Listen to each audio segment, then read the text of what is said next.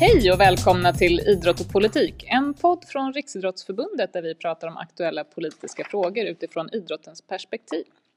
Eh, idag är det jag, Tina Salén, som är med och som jobbar med intressepolitik på RF. Och eh, bredvid mig så har jag Eva Eriksson som är förbundsordförande för SPF Seniorerna och så vår egen ordförande Björn Eriksson.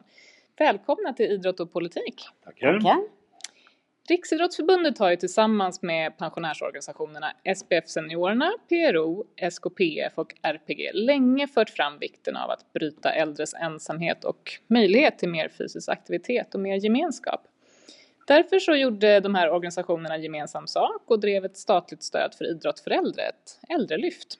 Det här blir ju nu verklighet och regeringen satsar 20 miljoner kronor där idrottsrörelsen och de här organisationerna tillsammans ska arbeta med detta.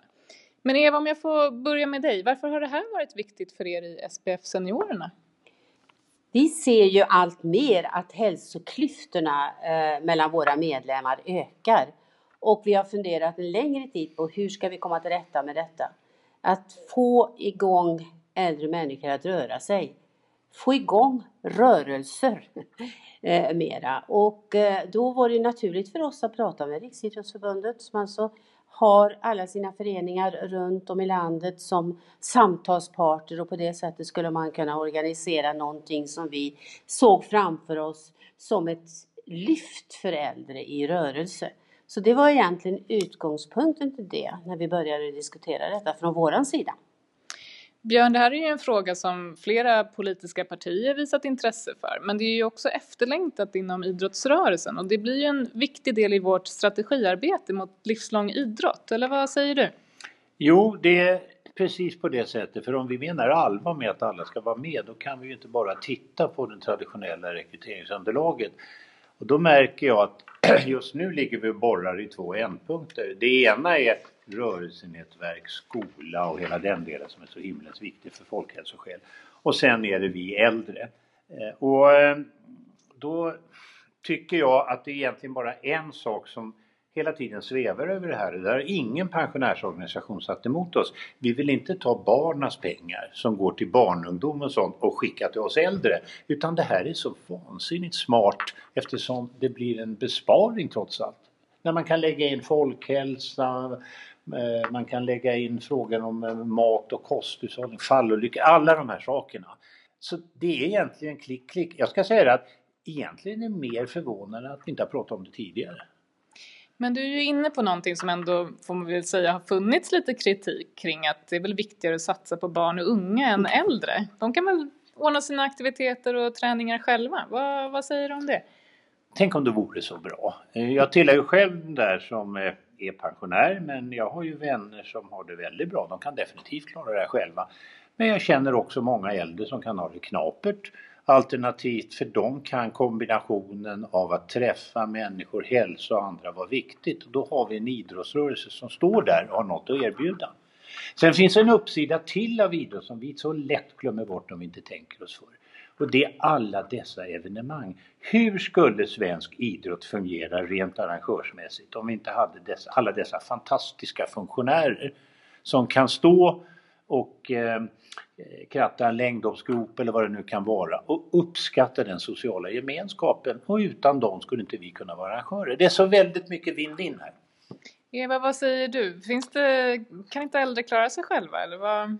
det kan du? man säkert göra. Mm. Eh, men man kan inte sätta grupper emot varandra. Dessutom tror jag att det är en annan win-win situation med, det här konceptet som vi nu har byggt upp. Vi kan eh, börja att diskutera över generationsgränser.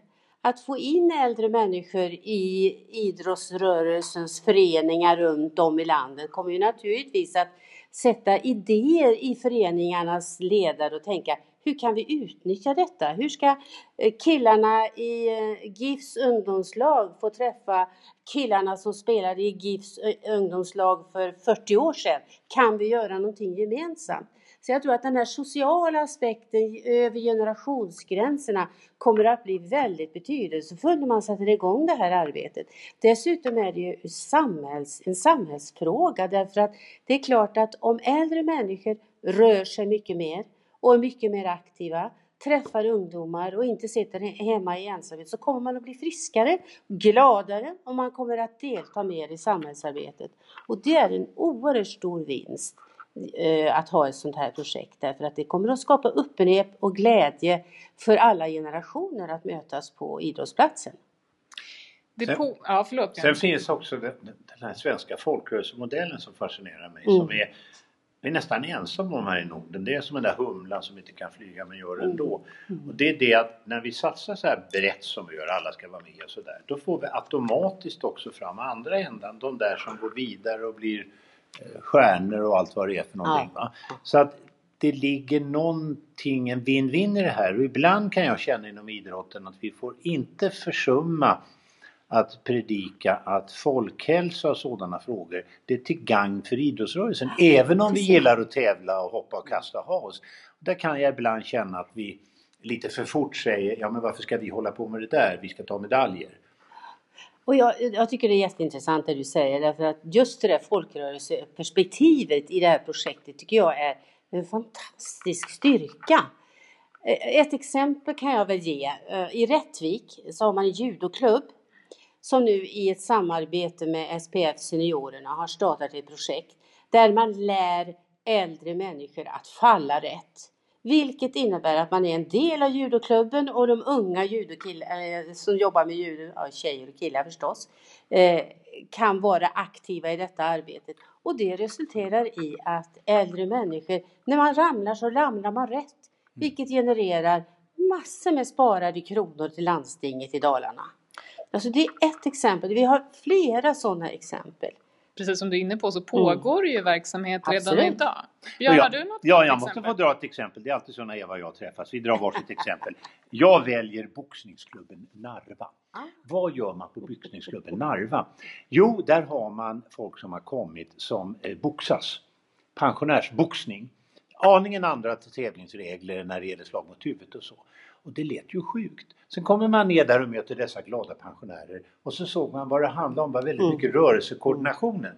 Så det hade spridit sig till de som är Parkinson-sjuka för de behöver ja. fotarbetet eftersom balansproblemet är stort. Och det var den aktivitet som de sa alltid alla kom på. Men sen plötsligt, ja men skulle man ju vara med i styrelsen också och så skulle man göra det ena och andra.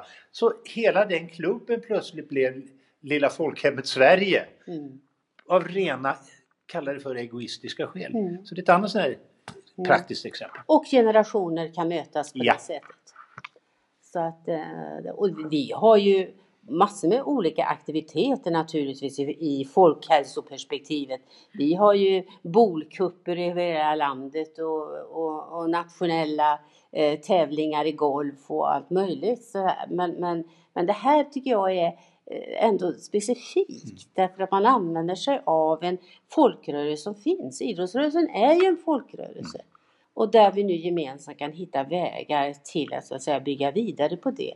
Därför man ska inte underskatta det som vi har ett stort behov av i vårt samhälle idag och det är att skapa de här demokratiska arenorna där människor får träffas.